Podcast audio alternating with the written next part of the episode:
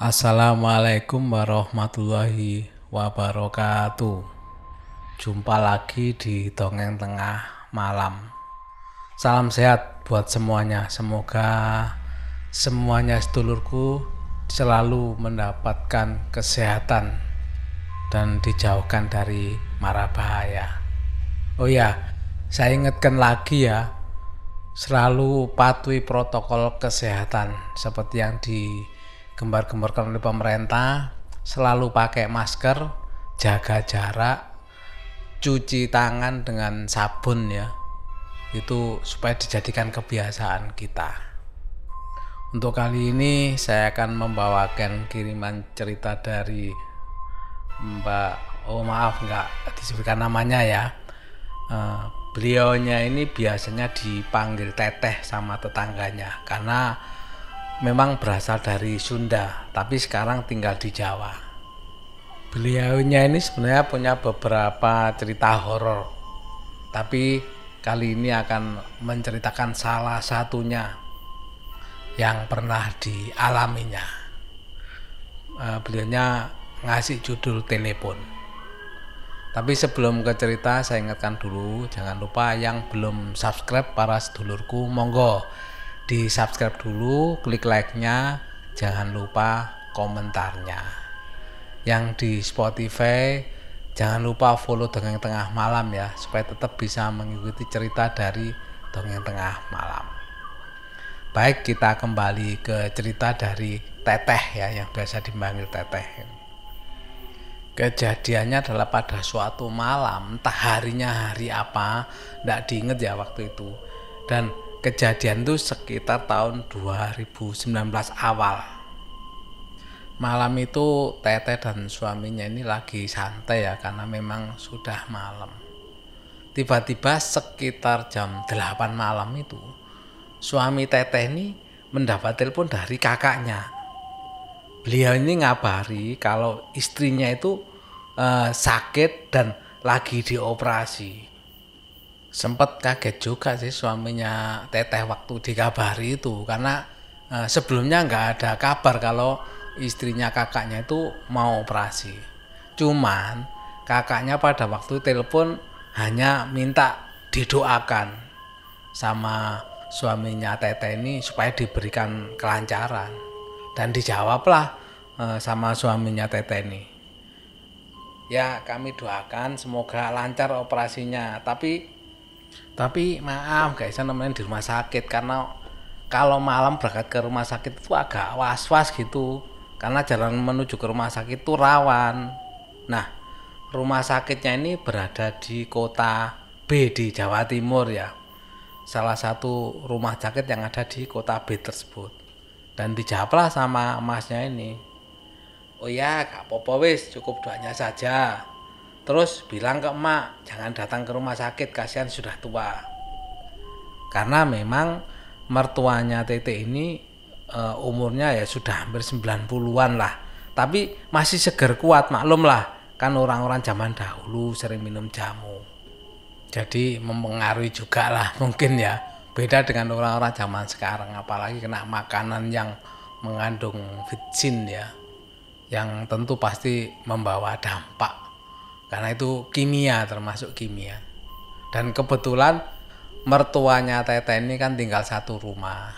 Makanya dipesenin sama masnya suaminya ini supaya nggak usah dikabari dulu. Karena malam itu memang nggak bisa ke rumah sakit ya. Mereka ini berencana esok paginya aja lah uh, ke rumah sakit. Sekalian biar istrinya Mas ini sudah uh, dipindah ke ruangan ya ruang rawat inap sehingga kan enak uh, bisa menjenguk di uh, kamarnya jadi kalau nungguin kan sudah di kamar nggak di luaran yang nggak yang hanya di ruang tunggu saja keesokan harinya sekitar pukul 6 pagi ya Tete dan suaminya ini pergi menuju ke rumah sakit memakai motor atau naik sepeda motor. Perjalanan dari rumahnya ke rumah sakit itu sekitar ya 15 menitan lah sampai dan sampailah e, di rumah sakit. karena nggak tahu di mana tempatnya atau ruang atau mungkin dipindah di kamar inapnya kan nggak tahu. Makanya suaminya Tete ini otomatis kan menanyakan ke kakaknya ini atau masnya ini. Diteleponlah kakaknya ini tetapi ditelepon nggak ada balasan mesti nggak diangkat. Sampai beberapa kali dicoba diteleponnya tetap nggak diangkat sama kakaknya ini. Ya mungkin karena kecapean atau apa ya sampai nggak dengar ada telepon masuk ya sudahlah. Akhirnya Tete dan suaminya ini naiklah ke lantai dua untuk mencari tahu di mana ruangan untuk istri kakaknya nih yang habis di operasi.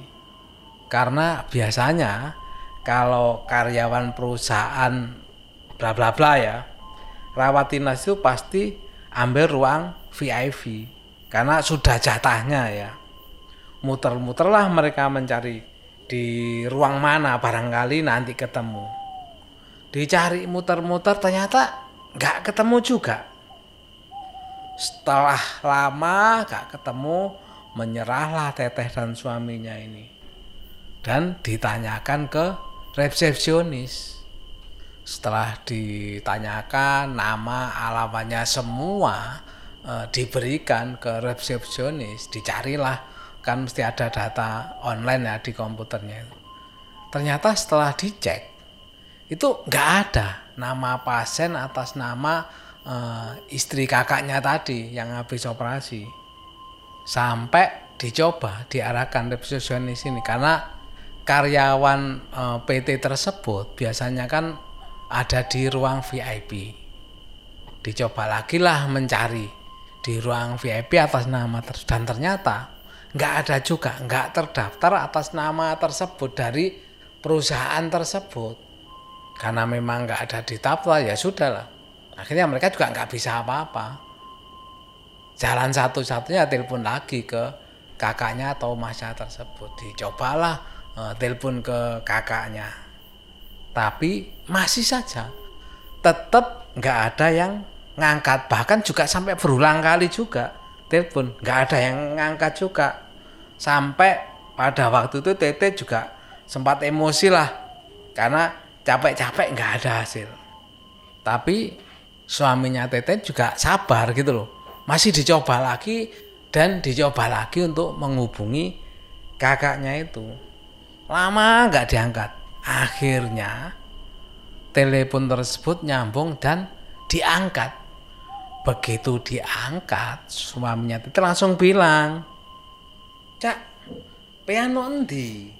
Gak dibalas para terdengar mibyek orangnya lagi ngobrol lagi pada mainan itu suaranya saya jadi denger loh. Dengan emosi Tete ini langsung menyaut telepon dari suaminya tersebut dan ngomong mas mas halo mas. Penon endi mas. Tetep nggak ada jawabannya.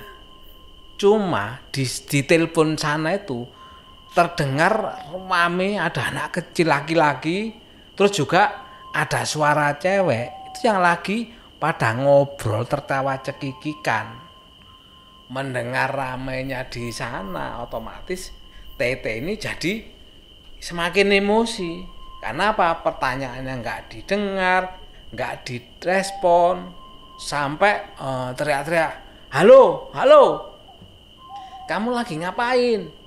Kasihkan teleponnya ke bawah.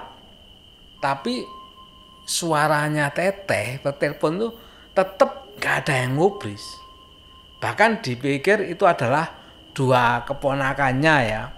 Yang sebut saja namanya Ayu dan Jaka yang lagi guyonan.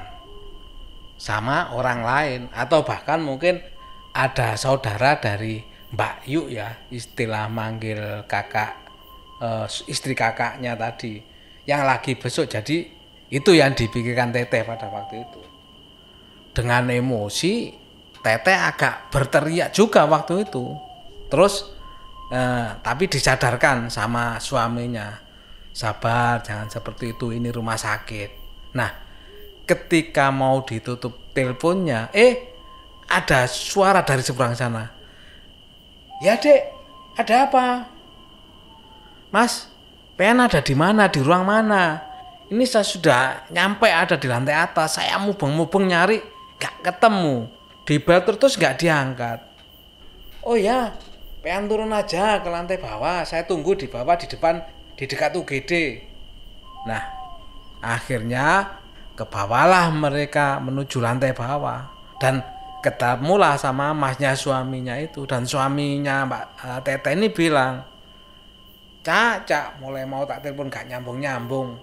Golek sampai mubeng-mubeng, takon resepsionis jari gak ono. Dan langsung dijawab sama masnya ini.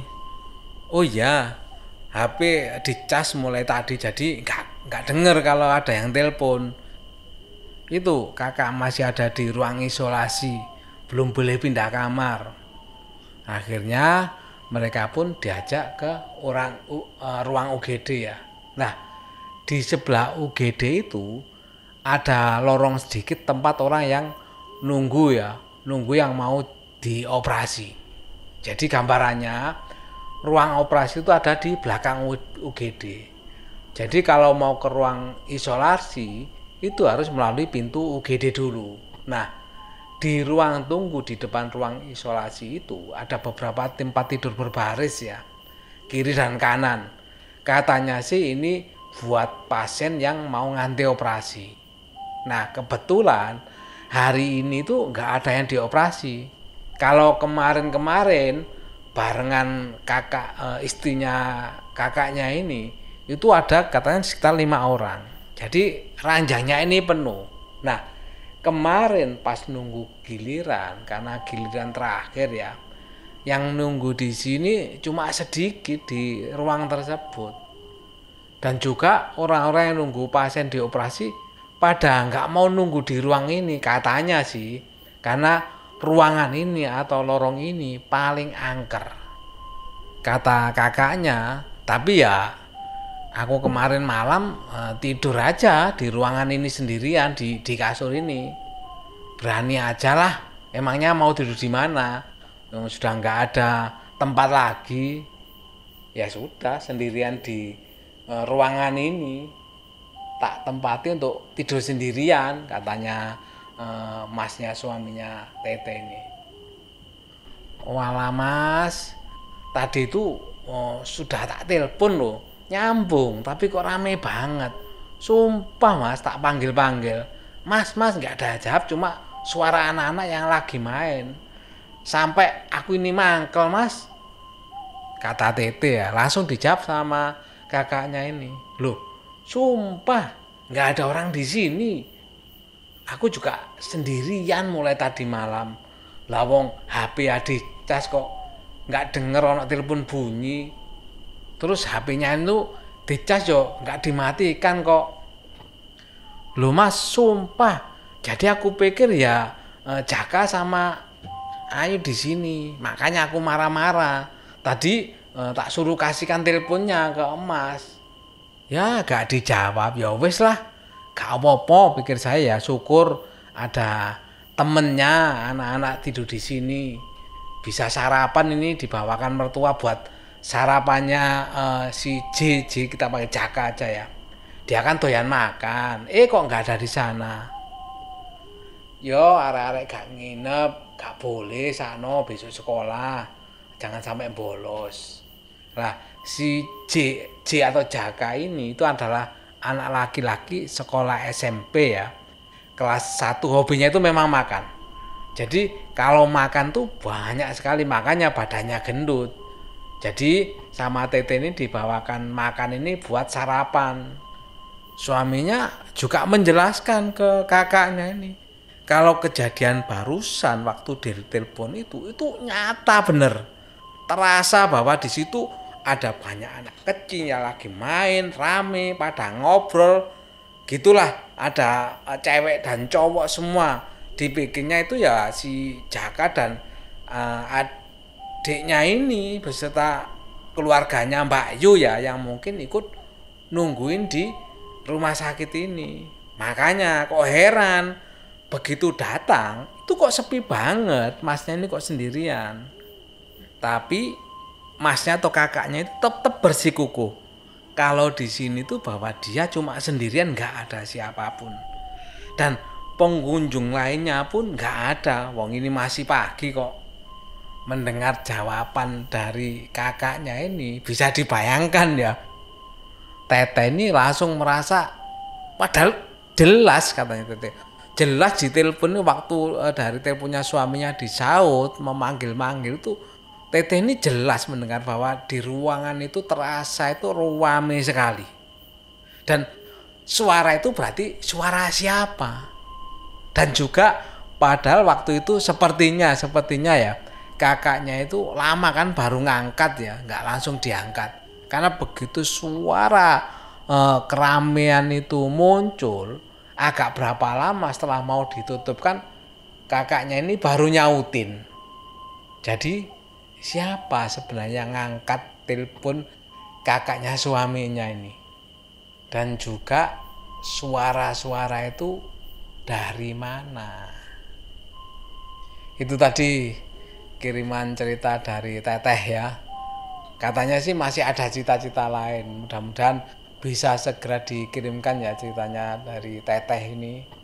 Dan juga diberi catatan sama teteh di bawahnya di bawah cerita itu benar-benar nyata dialami teteh sendiri.